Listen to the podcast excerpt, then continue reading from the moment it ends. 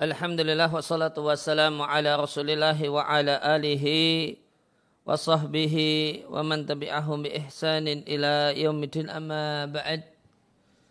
Kaum muslimin dan muslimah rahimani wa rahimakumullah sebelum kita lanjutkan membaca membaca dan mentalaah risalatun fi dimai atau bi'ayatil nisa'i karya Syekh Muhammad Ibn Salah Al-Utsaimin rahimallahu taala dan kita sudah akan memasuki pasal yang keenam tentang nifas dan hukumnya. Namun sebelum itu satu hal yang dirasa baik jika kita uh, bahas terlebih dahulu definisi nifas. Akan saya bacakan dari kitab uh, Al-Ahkam Al-Mutaratibah.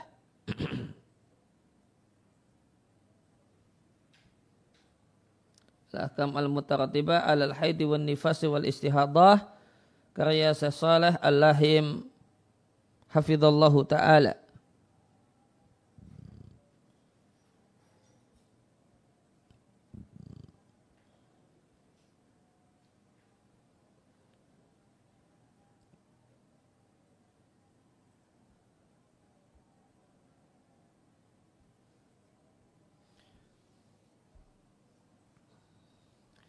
Nah, nifas itu secara bahasa dari kata-kata an-nafsi yang artinya darah. Salat nafsuhu artinya salat damuhu.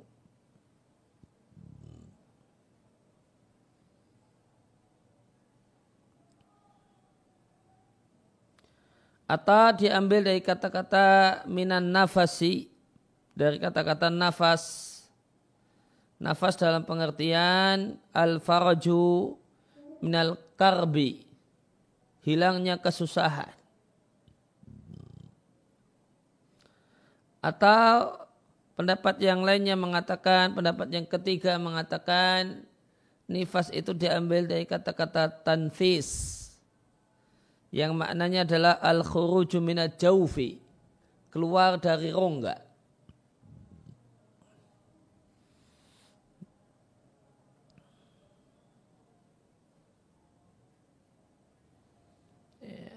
Maka nifas disebut nifas kalau mengacu pada poin yang pertama nifas disebut nifas ya karena keluar darah. Kalau mengacu pada pendapat yang ketiga nifas disebut nifas karena janin keluar dari rongga.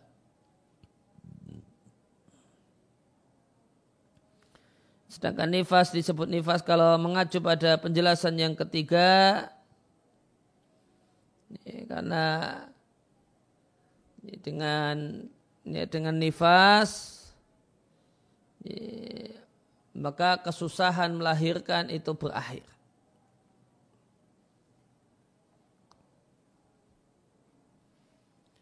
Ya, sedangkan nifas secara istilah nah, ini ada perselisihan ya, di kalangan para ulama madhab berkaitan dengan masalah tolak ukurnya adalah setelah darah keluar ataukah sebelum eh, setelah janin keluar ataukah sebelum itu sudah bisa bisa disebut nifas. Kalau di madhab Al-Hanafi diwakili oleh Al-Maghinani mengatakan nifas adalah adamu al-khariju rahimi darah yang keluar dari rahim ba'dal wiladati setelah selesainya proses persalinan.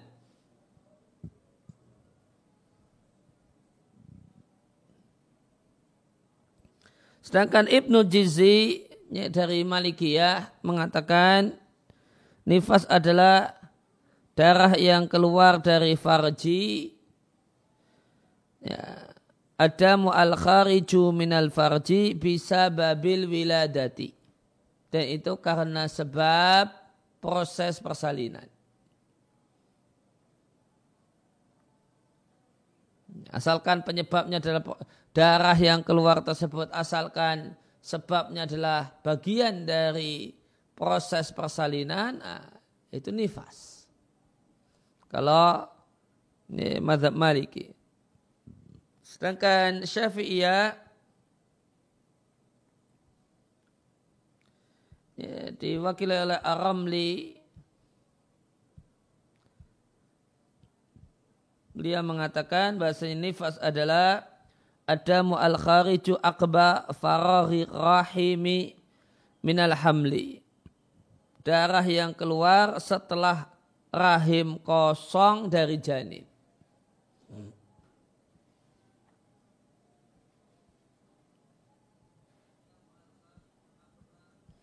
Kemudian madhab hambali diwakili oleh Ibnu Mufli al-Hambali. Beliau mengatakan bahasanya nifas adalah damun yukhihi rahimu.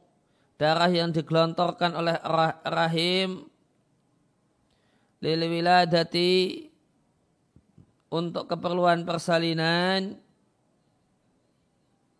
Wa ba'daha dan setelah persalinan ila muddatin ma'lumatin sampai jangka waktu tertentu yang telah diketahui.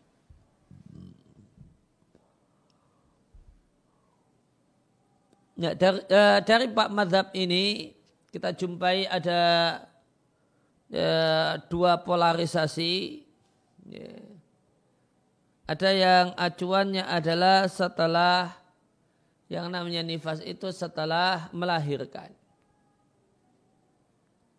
Ini Hanafi dan Syafi'i.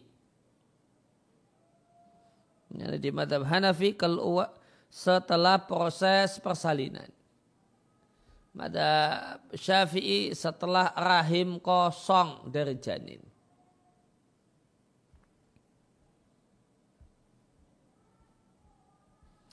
Sedangkan madhab Maliki dan Hambali tidak mempersyaratkan demikian. Jadi Maliki disampaikan darah tersebut bisa babil wiladati. Karena sebab persalinan. Atau uh, tadi di madhab hambali lil wiladati. Karena ya, persalinan.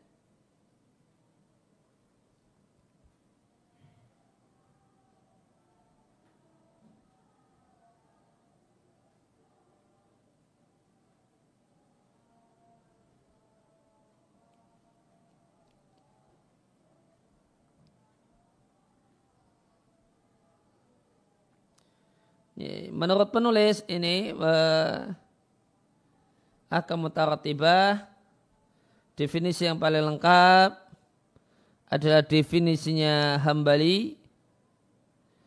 Karena definisi hambali itu menjadikan sebagian nifas itu sebelum proses persalinan. Asalkan ada tanda-tanda persalinan yaitu setelahnya adalah persalinan yang diiringi dengan kontraksi. Yang definisi ini juga diisyaratkan oleh Malikiyah. Kemudian definisi dari Hambali menetapkan jangka waktu dan menjadikannya jangka waktu yang jelas. Sehingga jika lebih dari itu maka boleh jadi haid atau istihadah atau darah rusak Demikian juga di definisi madhab hambali terdapat syarat keluar dari rahim. Maka jika bukan keluar dari rahim, karena rahimnya sudah tidak ada karena ada diangkat, maka tidak termasuk dalam darah nifas. Ini penegasan kalau harus dari rahim ini juga disampaikan dalam definisi madhab Hanafi.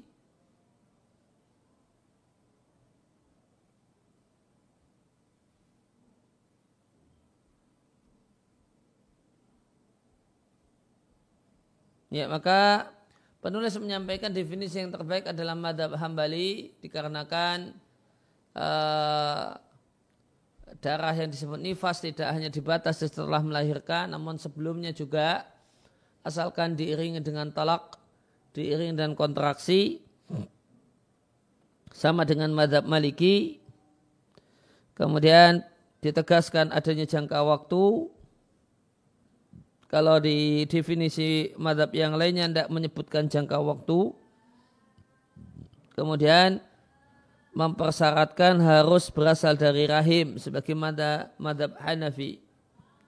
Kalau di Maliki cuma farji, kalau di Syafi'iyah cuma tidak eh, ada penegasan rahim keluar darah yang keluar setelah kosongnya rahim.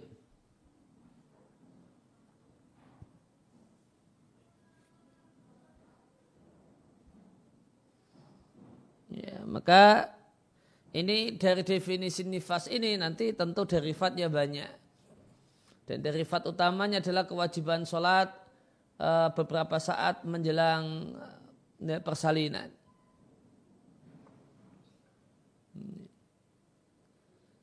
Kalau mengacu pada ulama yang menyampaikan bahasanya nifas itu hanya setelah proses persalinan terjadi, ya, sebagaimana dalam madhab Hanafi dan Syafi'i ya maka otomatis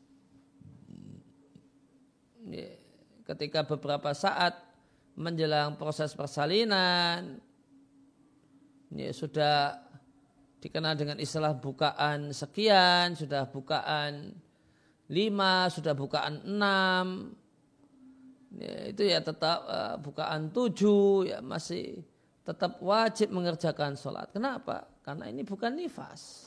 Sudah keluar darah. Ya, namun karena definisi nifas itu setelah melahirkan, ya masih punya kewajiban sholat.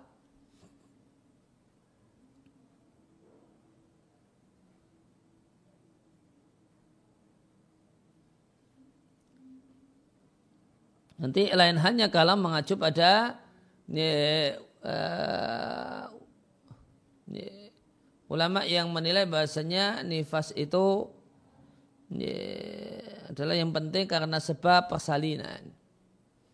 Maka nanti lebih longgar. Yang penting ini proses persalinan, darah keluar, proses persalinan, ya, ya sudah tidak tidak sholat tidak apa-apa karena itu sudah ya, sudah nifas.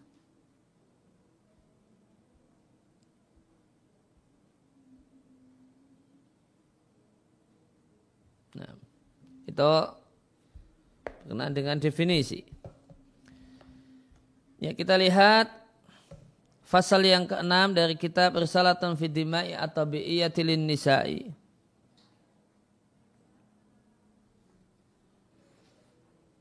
Disampaikan oleh Ibnu Thaimin rahimallahu taala, nifas adalah darah yang digelontorkan oleh rahim disebabkan proses persalinan. Imma boleh jadi ma'ahu berbarengan dengan proses persalinan atau ba'daha imma ma'aha atau ba'daha atau setelah persalinan selesai atau qablaha sebelum persalinan. Bahkan sampai beliau katakan dua atau tiga hari sebelum persalinan itu sudah nifas. Ya, syaratnya ma'at talqi diiringi dengan rasa sakit mau melahirkan. Biasa mungkin kurang lebih ya, kontraksi bahasa medisnya. Syekhul Islam Taimiyah rahimallahu taala menyampaikan maka apa yang engkau saksikan ketika seorang wanita itu mulai fitolki merasakan kesakitan karena proses persalinan, maka itu adalah nifas. Tanpa dibatasi dua hari atau tiga hari. Wa muraduhu dan yang dimaksudkan adalah rasa sakit yang ya, akan dilanjutkan dengan wiladatun ya, proses persalinan. Wa ila jika tidak rasa sakit tersebut tidak dilanjut dengan proses persalinan falaisa binifasin maka itu bukan nifas. Ya maka Ibnu Taimiyah memilih uh, definisi definisi nifas sebagaimana madhabnya madhab hambali. Yaitu darah yang keluar berbarengan dengan talak rasa sakit tidak melahirkan, meskipun itu sebelum proses persalinan. Kemudian para ulama berselisih pendapat apakah nifas itu memiliki batas minimal ya, dan batas maksimal ataukah tidak. Syekh Taqiyuddin Ibn Taimiyah di kitab beliau tentang al-asma ya, tentang nama yang ya, syariat mengkaitkan hukum dengannya. Di halaman 37 beliau mengatakan nifas tidak ada batas minimalnya, tidak pula maksimalnya. Kalau kutira maka seandainya diandaikan ada seorang perempuan melihat darah lebih dari 40 hari atau 60 hari atau 70 hari wong kotoa kemudian berhenti maka itu nifas. Akan tetapi jika darah tersebut itasolah bersambung maka dia darah rusak. Wahina idin dan pada saat itu berdasarkan penjelasan ini maka batas 40 hari fa'ina muntahal ghalibi. Itu adalah maksimal umumnya. Ya, bukan maksimal untuk semua namun umumnya maksimalnya 40 hari. Ja'ad bi al-atharu dan terdapat banyak riwayat yang mendukung hal tersebut. Intah sekian kutipan Perkataan Ibnu Taimiyah. Kultu Ibnu Taimin rahimahullah ta'ala mengatakan. Berdasarkan penjelasan di atas, jika darah itu lebih dari 40 hari. Wa kana laha dan wanita tersebut memiliki kebiasaan yaitu siklus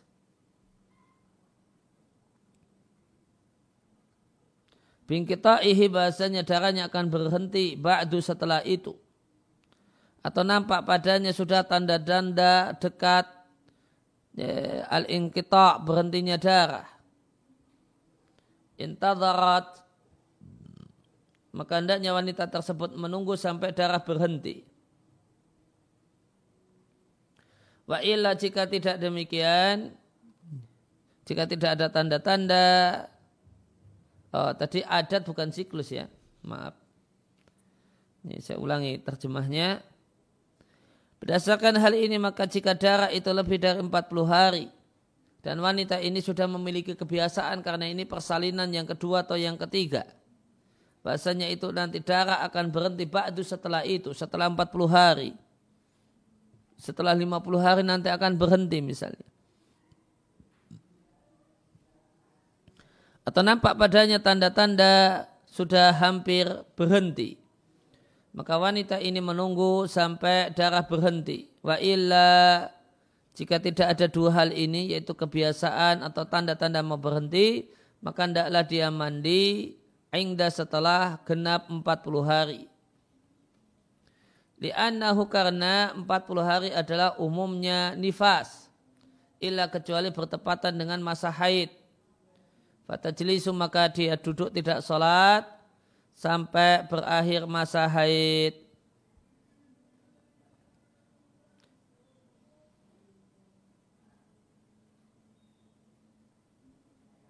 Faidan kota ba'da dalika dan jika darah itu berhenti setelah itu Fayambari maka sepatutnya ayakuna kala adati Hal ini seperti kebiasaan laha yang menjadi miliknya Maka hendaklah dia bersikap sesuai dengannya fil mustakbal di masa depan.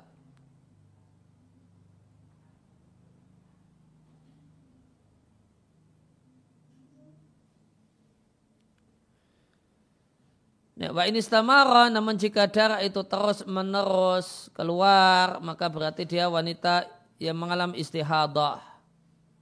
Nah, maka tarji'u mengacu, maka wanita ini bisa mengacu kepada hukum hukum wanita istihadah yang telah lewat.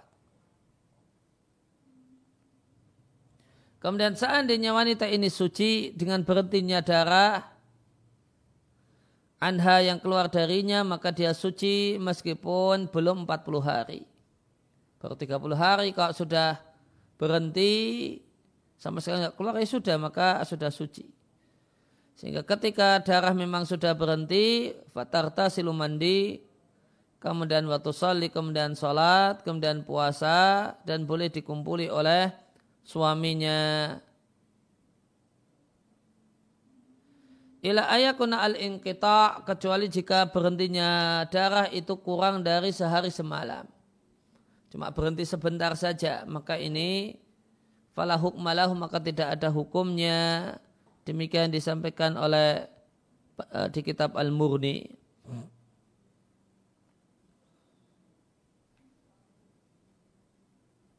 Nah ini demikian juga perlu diketahui bahasanya telah ukur wiladah itu diperselisihkan. Jadi wiladah itu bisa artinya persalinan dan bisa juga artinya keguguran. Nah kalau keguguran itu umur berapa itu dikatakan uh, darahnya darah nifas.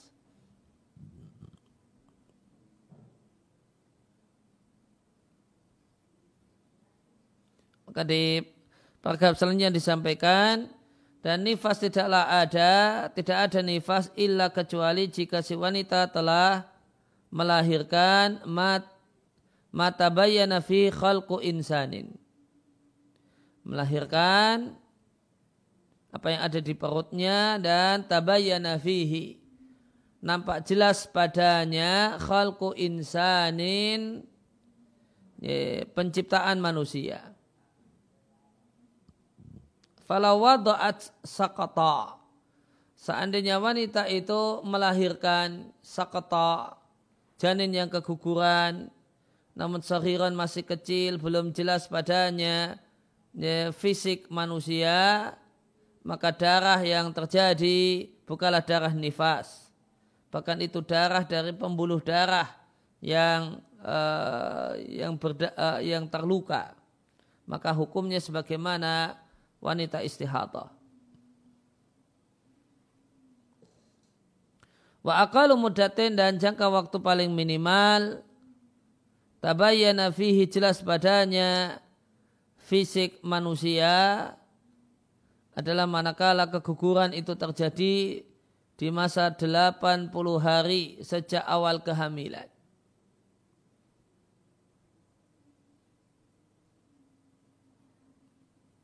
wa ghalibuha dan umumnya adalah 90 hari.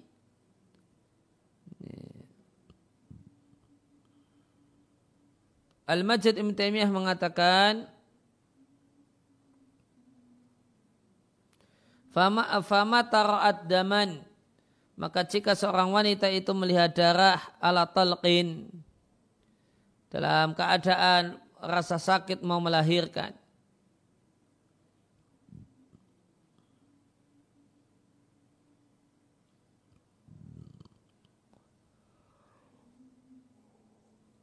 ya, melihat darah karena rasa sakit. Namun qablaha sebelum itu ya mungkin sebelum 80 hari maka lam taltafid ilaihi dia tidak perlu menoleh padanya. Maka dia tidak perlu menganggap.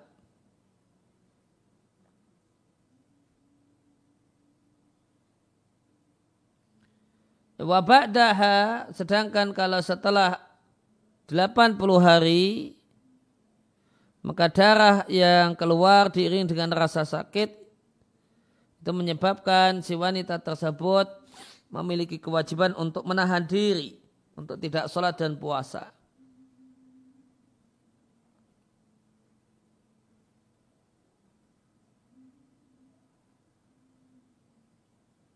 Thumma kemudian ini kasyafa jika tersingkap al-amru keadaan senyatanya.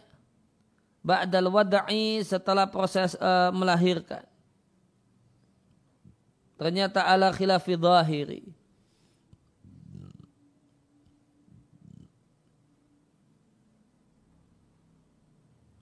Ternyata yang keluar itu uh, belum ada padanya tanda uh, fisik calon manusia.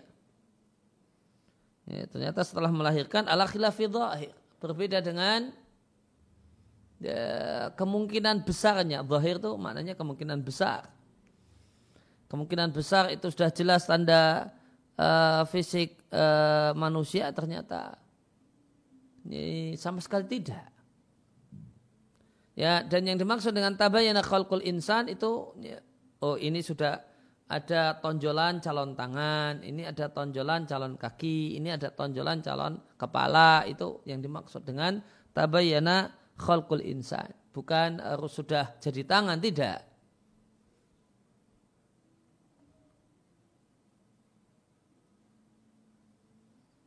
Nah, jika ternyata setelah dilahirkan, setelah keluar, berbeda dengan al-zahir kemungkinan besar yang diprediksikan sebelumnya.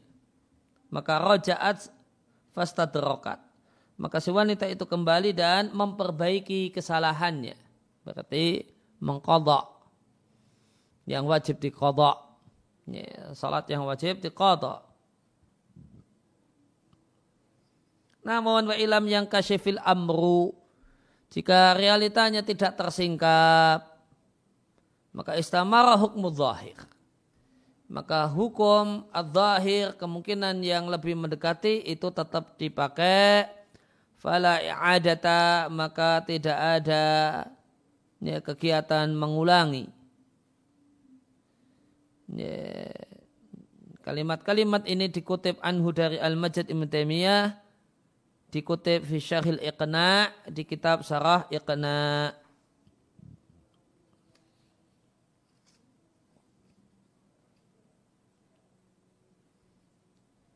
Kemudian sejumlah ketentuan berkaitan dengan darah nifas. Maka ketentuan nifas sama dengan ketentuan haid sama persis kecuali dalam beberapa poin berikut ini. Yang pertama masalah iddah.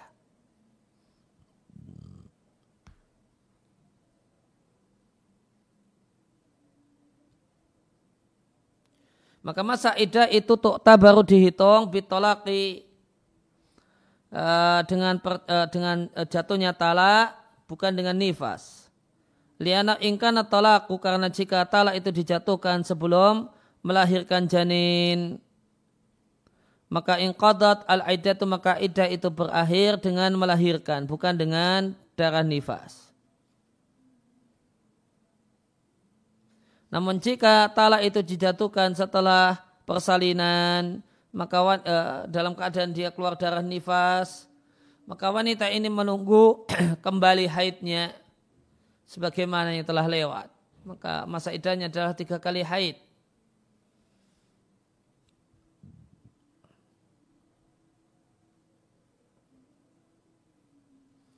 Kemudian jangka waktu ila, ya, sumpahnya seorang suami untuk tidak mengumpuli istrinya lebih dari empat bulan.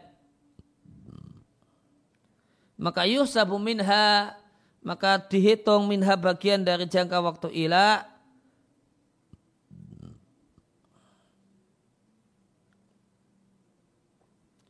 Muddatul haiti jangka waktu haid.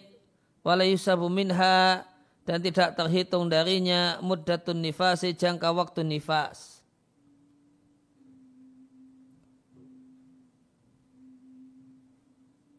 Dan ilah adalah seorang suami bersumpah untuk tidak me menyetubuhi istrinya selamanya atau dalam jangka waktu lebih dari empat bulan.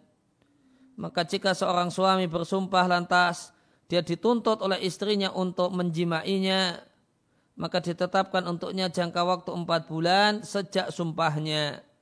Jika sudah tamat, sudah genap empat bulan, maka dia dipaksa ya, di antara dua opsi. Yang pertama jima dengan istrinya, yang kedua pisah.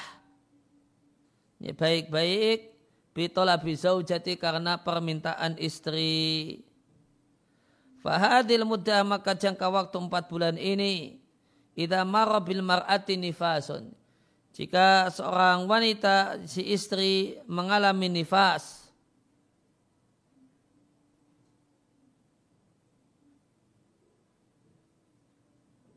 maka lam yusab ala zauji tidak dihitung dibebankan kepada suami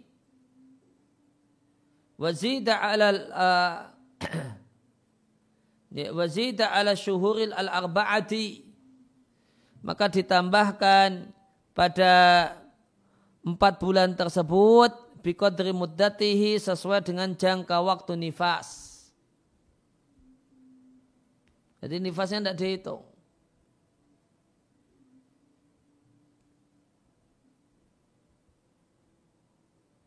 Ya, maka nanti nifas itu menjadi sebab tambah panjangnya empat bulan itu. Karena nifas tidak dihitung. Maka tadi ditambahkan empat bulan, ditambahkan kepada empat bulan e, seukur jangka waktu nifas. Bikhilafil haidi lain hanya dengan jadi di skip. Seakan-akan ketika terjadi nifas itu uh, empat bulan tadi sepertinya pada saat masa nifas empat bulannya itu ya, masih tambah lagi setelah itu.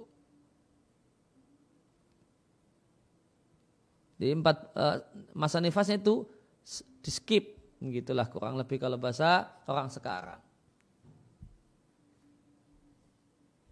Adanya nifas uh, maka seperti ini tidak dihitung hari-harinya. Lain hanya dengan haid, maka jangka waktunya itu dihitung ya, atas suami.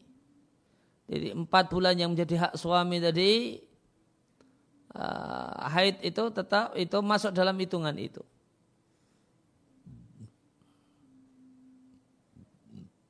Kurang lebih jika dia haid sebulan sekali,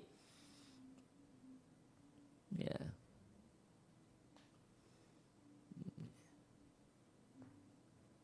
Jika dia haid e, sebulan sekali, ya empat kali haid kurang lebih nanti sudah habislah masa ila. Kemudian yang ketiga balik. Baliknya seorang wanita itu terwujud dengan haid, tidak terwujud dengan nifas. Karena seorang wanita tidak mungkin hamil sampai keluar darah haid. Fayakunu maka jadilah terwujudnya balik itu dengan inzal al-sabiq. Dengan keluarnya darah haid sebelum ya, terjadinya kehamilan.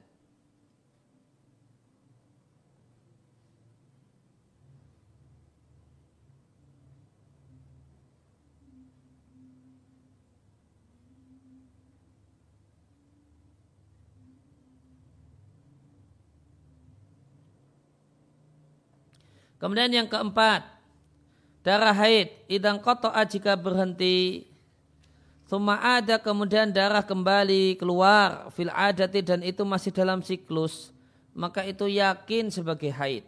Contohnya seorang wanita punya siklus haid selama delapan hari. Lantas dia melihat darah haid selama empat hari kemudian berhenti selama dua hari sudah enam hari. Kemudian kembali ke keluar darah keluar darah pada hari ketujuh dan kedelapan. Maka darah yang kembali datang di hari yang ketujuh dan kedelapan itu yakin adalah haid. Maka berlaku padanya ketentuan-ketentuan darah haid. Sedangkan darah nifas jika berhenti sebelum 40 hari kemudian kembali keluar dalam jangka waktu 40 hari maka itu diragukan apakah itu nifas ataukah bukan.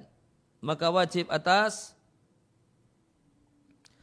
ya, maka wajib atas wanita tersebut untuk antusaliya wa tasumal. Ya, untuk untuk sholat dan puasa fardu yang telah ditentukan waktunya pada waktunya. Wa yahrumu 'alaiha ma yahrumu 'alal haidhi. Dan haram atas si perempuan semua yang haram bagi wanita haid.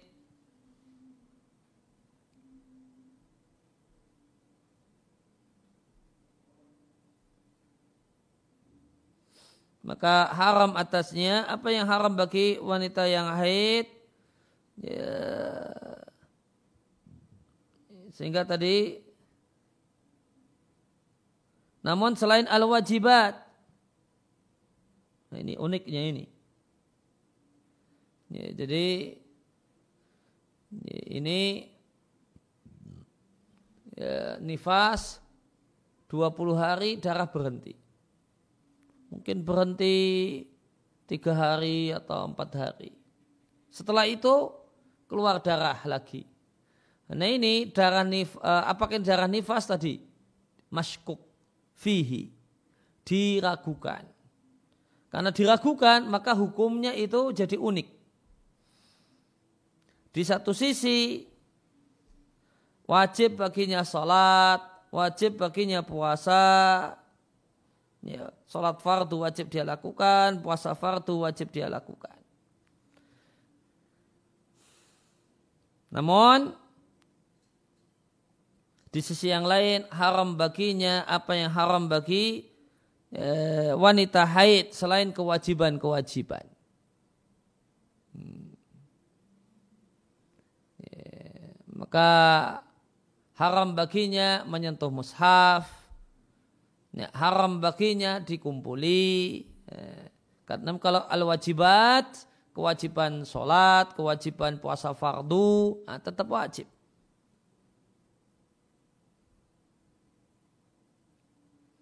Kemudian dia mengkodok setelah sucinya semua apa yang dia lakukan fi hadadami saat darah ini keluar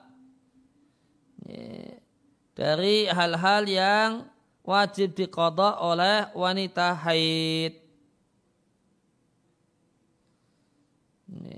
Wanita haid wajib kodok apa? Wajib kodok puasa. Ini tadi wajib puasa, namun puasanya dikodok bayangkan.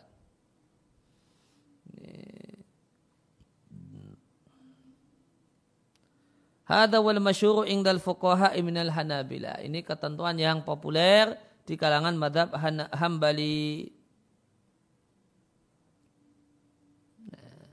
Nah, pandangan pribadi Ibnu Thaimin, waswab yang benar itu menurut beliau, darah jika kembali muncul di masa yang mungkin itu adalah nifas, maka dia nifas. Wa illa jika tidak mungkin itu tergolong nifas, maka itu haid kecuali jika darah terus menerus keluar maka itu istihadah. Wahada dan kalau penjelasan ini mirip-mirip dengan penjelasan dan pendapat yang dinukil dalam kitab Al-Murni dari Imam Malik. Hai sukal di mana penulis Al-Murni mengatakan waqala Malikun Imam Malik mengatakan in ra'atid dama ba'da yaumaini au thalathatin Ya, jika dia lihat darah setelah dua hari atau tiga hari, yaitu dua atau tiga hari min ingkita'ihi setelah darah itu berhenti. Maka dia nifas. Wa illa jika tidak, maka itu haid intah sekian kutipan perkataan Imam Malik. Dan pendapat yang tadi disampaikan oleh Ibnu Taimin adalah konsekuensi dari pendapat yang dipilih oleh Ibnu Taimiyah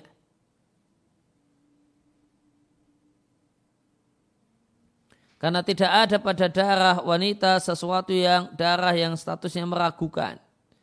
Biasa biwaki menurut realita. Akan tapi ragu-ragu adalah perkara relatif yang manusia itu berbeda-beda padanya. Tergantung ilmu dan pemahamannya. Namun Al-Quran dan hadis, isi Al-Quran dan hadis adalah penjelasan segala sesuatu dan Allah tidaklah mewajibkan seseorang untuk puasa dua kali. Kalau pakai mata hambali tadi, puasa dua kali. Ini, pada saat keluar darah wajib puasa, namun nanti setelah selesai wajib dikodok. Atau tawaf dua kali.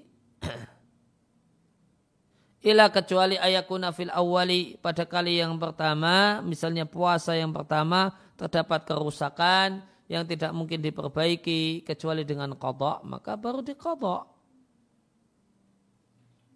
Amma haisu fi'lul abdi adapun dari sisi perbuatan hamba yang melakukan mayak diru alaihi minat taklifi beban syariat yang mampu dia lakukan maka hamba kewajibannya dalam melakukan sesuai dengan kemampuannya Ya, kemudian dia melakukannya bihasab istita'ati sesuai dengan kemampuannya, fakat bari'at dhimmatuhu, maka kewajibannya telah gugur. Sebagaimana firman Allah Ta'ala, Allah tidak membani satu jiwa kecuali sesuai dengan kemampuannya. Dan firman Allah Ta'ala, Fatakullah mastata'atum. Bertakwalah kalian kepada Allah semaksimal kemampuan kalian.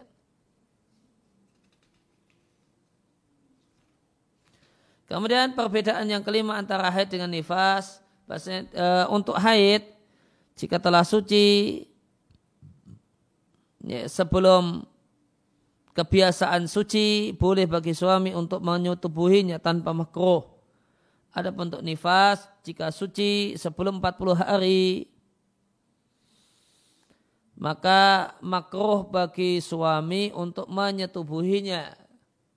Ya, makruh tapi nggak sampai derajat haram. Makruh menyetubuhinya menurut pendapat yang terkenal ala madhab yaitu madhab hambali. Dalam pendapat yang populer dalam madhab hambali, meskipun yang benar menurut Ibnu Thaymin, tidak makruh baginya mengumpuli istrinya. Dan ini pendapat mayoritas para ulama. Karena makruh itu hukum syar'i perlu dalil syar'i. Dan dalam masalah ini tidak terdapat dalil selain apa yang disampaikan Imam Ahmad dari Utsman ibn Abil As. Annaha atat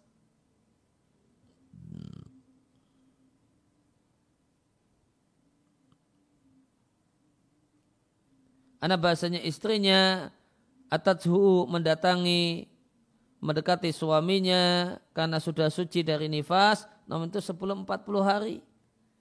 Fakat lantas Utsman ibn Abil As mengatakan jangan engkau dekati aku wahai istriku.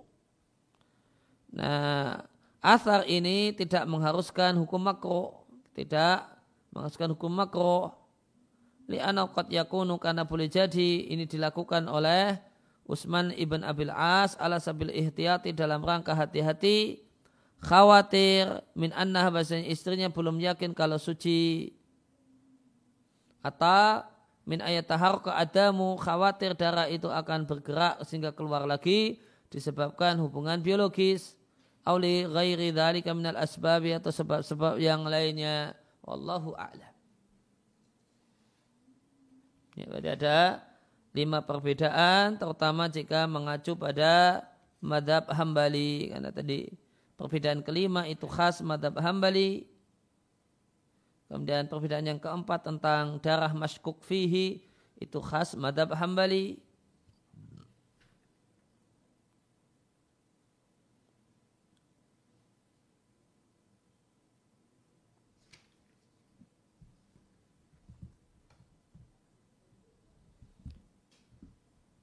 Nah, kita coba lihat pembandingnya di Ahkam al-Mutarattibah.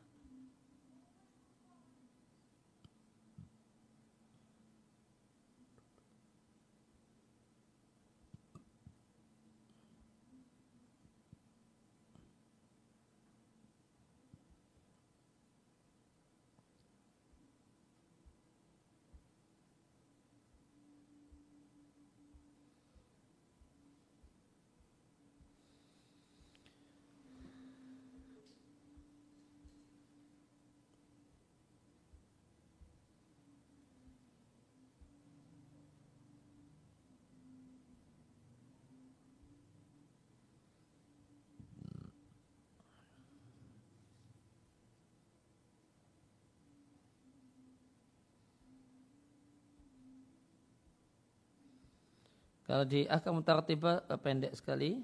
Ya, saya bacakan. ya. Konsekuensi hukum dari nifas hukum atau ketentuan untuk darah nifas sama dengan ketentuan darah haid tentang apa yang wajib karena darah nifas dan apa yang haram dan apa yang dan kewajiban-kewajiban yang gugur karenanya. Ibnu Qudamah mengatakan kami tidak mengetahui dalam masalah ini perselisihan. Al-Khatib Asyarbini menyampaikan ijma' ulama dalam masalah ini. Namun para ulama mengecualikan sejumlah kasus. Yang pertama, haid itu menyebabkan balik, sedangkan nifas tidak menyebabkan balik. Lithubuti kebelahu bil inzal. Yeah.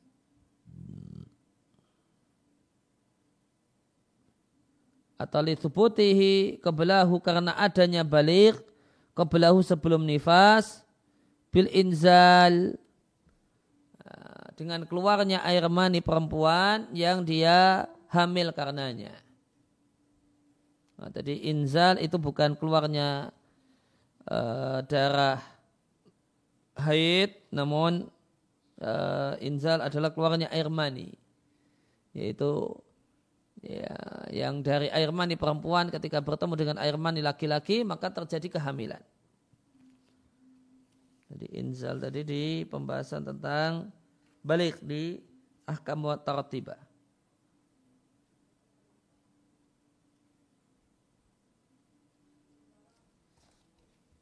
Ini keluarnya air mani yaitu air mani perempuan. Karena hamil itu terjadi manakala ketemu air mani perempuan dengan air mani laki-laki. Kemudian yang kedua masalah menjalani masa iddah. Karena menjalani masa iddah itu dengan kuru. Ya, kuru adalah haid, bukan dengan uh, dan nifas bukan kuru. Ditambah masa iddah itu berakhir dengan persalinan. Kemudian yang ketiga sama tadi dengan di risalah uh, dari Ibnu Thaimin, nifas tidaklah dihitung bagian dari jangka waktu empat bulan untuk wanita lelaki suami yang melakukan ila. Karena nifas itu satu hal yang tidak normal, lain halnya dengan haid.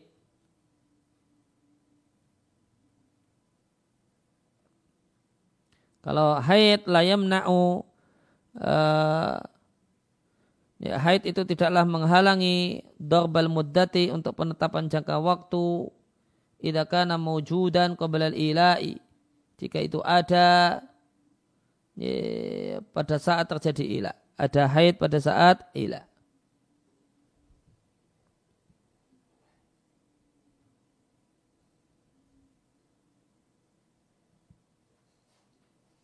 Ya, ini uh, ketentuan semacam ini bahasanya uh, nifas itu tidak dihitung dalam masalah ila adalah pendapat Syafi'iyah dalam Al-Asah dan pendapat Hanabilah di salah satu dari dua pendapatnya dan itu resminya madhab Hanabilah. Pendapat yang lainnya tentang masalah kaitan nifas dengan ila. Eh, pendapat yang kedua mengatakan bahasa nifas itu seperti haid. Jadi tetap dihitung bulan-bulannya, meskipun ada nifas ini adalah pendapat syafi'iyah namun mukabil asah.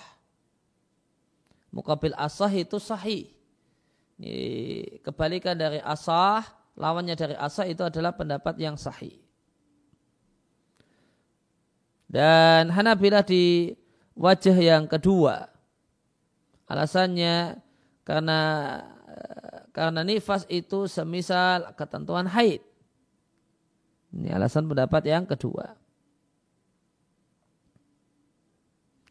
Kemudian pendapat uh, kemudian ketentuan hukum yang keempat yang tadi belum ada anal haid bahasanya haid itu tidak memutus berturut-turut untuk puasa kafarah. Karena haid itu satu hal yang tidak mungkin menjaga diri darinya selama ketika puasa berturut-turut dua bulan lamanya. Kecuali jika puasanya itu ditunda sampai setelah menopause. Dan ini tentu menyebabkan kewajiban puasa dua bulan berturut-turut jadi gambling. Karena boleh jadi si wanita ini meninggal dunia sebelum menopause. Maka dalika demikian juga nifas. Nah, inilah pendapat Syafi'iyah menurut Al-Asah dan juga pendapat Hanabilah menurut uh, Asahul Wajahain yang paling kuat dari dua pendapat di kalangan Hanabilah. Alasannya intinya adalah karena karena nifas itu bimanzilatil haid. Seperti haid dalam ketentuan-ketentuan hukumnya. Pendapat yang kedua mengatakan nifas itu menyebabkan berhentinya status berturut-turut. Dan ini madhab Hanafi.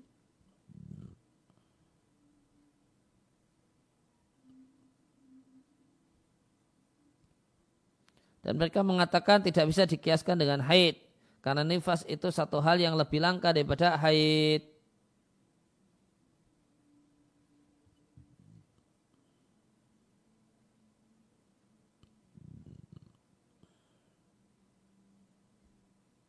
Nah, itu uh, yang tambahannya adalah yang tidak ada di buku Syekh Thimin, masalah apakah nifas itu memotong berturut-turut misalnya ada kewajiban puasa dua bulan berturut-turut kemudian ketemu nifas. Nah, maka apakah kemudian berturut-turutnya itu jadi terputus sehingga nanti diulang dari nol ataukah tidak seperti haid? Maka ada dua pendapat ulama dalam masalah ini. Satu pendapat mengatakan yeah.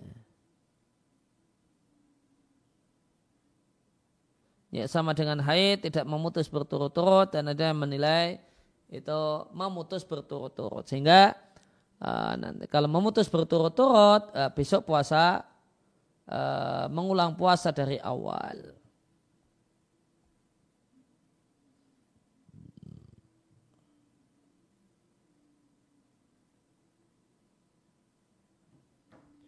Ya demikian yang kita baca kesempatan pagi hari ini wasallallahu ala nabiyina Muhammadin wa ala alihi wasallam wa alhamdulillahi rabbil alamin Baik, saat ada pertanyaan. Assalamualaikum warahmatullahi wabarakatuh. Waalaikumsalam warahmatullahi wabarakatuh. Semoga Allah senantiasa menjaga Ustadz dan keluarga. Amin. Saat izin bertanya, sering muncul keraguan ketika sudah berhenti darah haid. Ragu ingin sholat karena terkadang masih muncul flek coklat tetapi sudah kering tidak ada cairan sama sekali yang keluar dari jalannya. Melihat dari kebiasaan haid selama 7 sampai 8 hari, di hari 7 ke 8 terkadang bersih dan kering. Keesokan harinya muncul flek coklat lalu bersih lagi. Ini membuat ragu karena ketika kering dan bersih saya langsung mandi dan sholat. Setelah beberapa jam ternyata ada muncul flek Bagaimana ya Ustaz? Jazakumullah khairan. Ya, maka ini tentu berkenaan dengan darah haid sudah berhenti ataukah belum. Ah, dan ini berkaitan dengan uh, si penanya ini memiliki kosotul baydo ataukah tidak. Jika kita asumsikan dia tidak memiliki kosotul baydo, maka kering yang itu jadi tanda suci adalah kering selama 24 jam sehari semalam. Nah, jika sudah kering sehari semalam, hari ini sehari semalam sudah kering, besoknya keluar flek coklat, maka itu bukan haid, wajib sholat dan seterusnya. Tapi kalau uh, belum kering 24 jam, ya, baru kering satu jam atau dua jam, setelah itu keluar flek coklat, ya, uh, maka itu haid. Nah. Ya subhanakallahumma bihamdika asyhadu an la ilaha illa anta astaghfiruka wa atubu ilaik.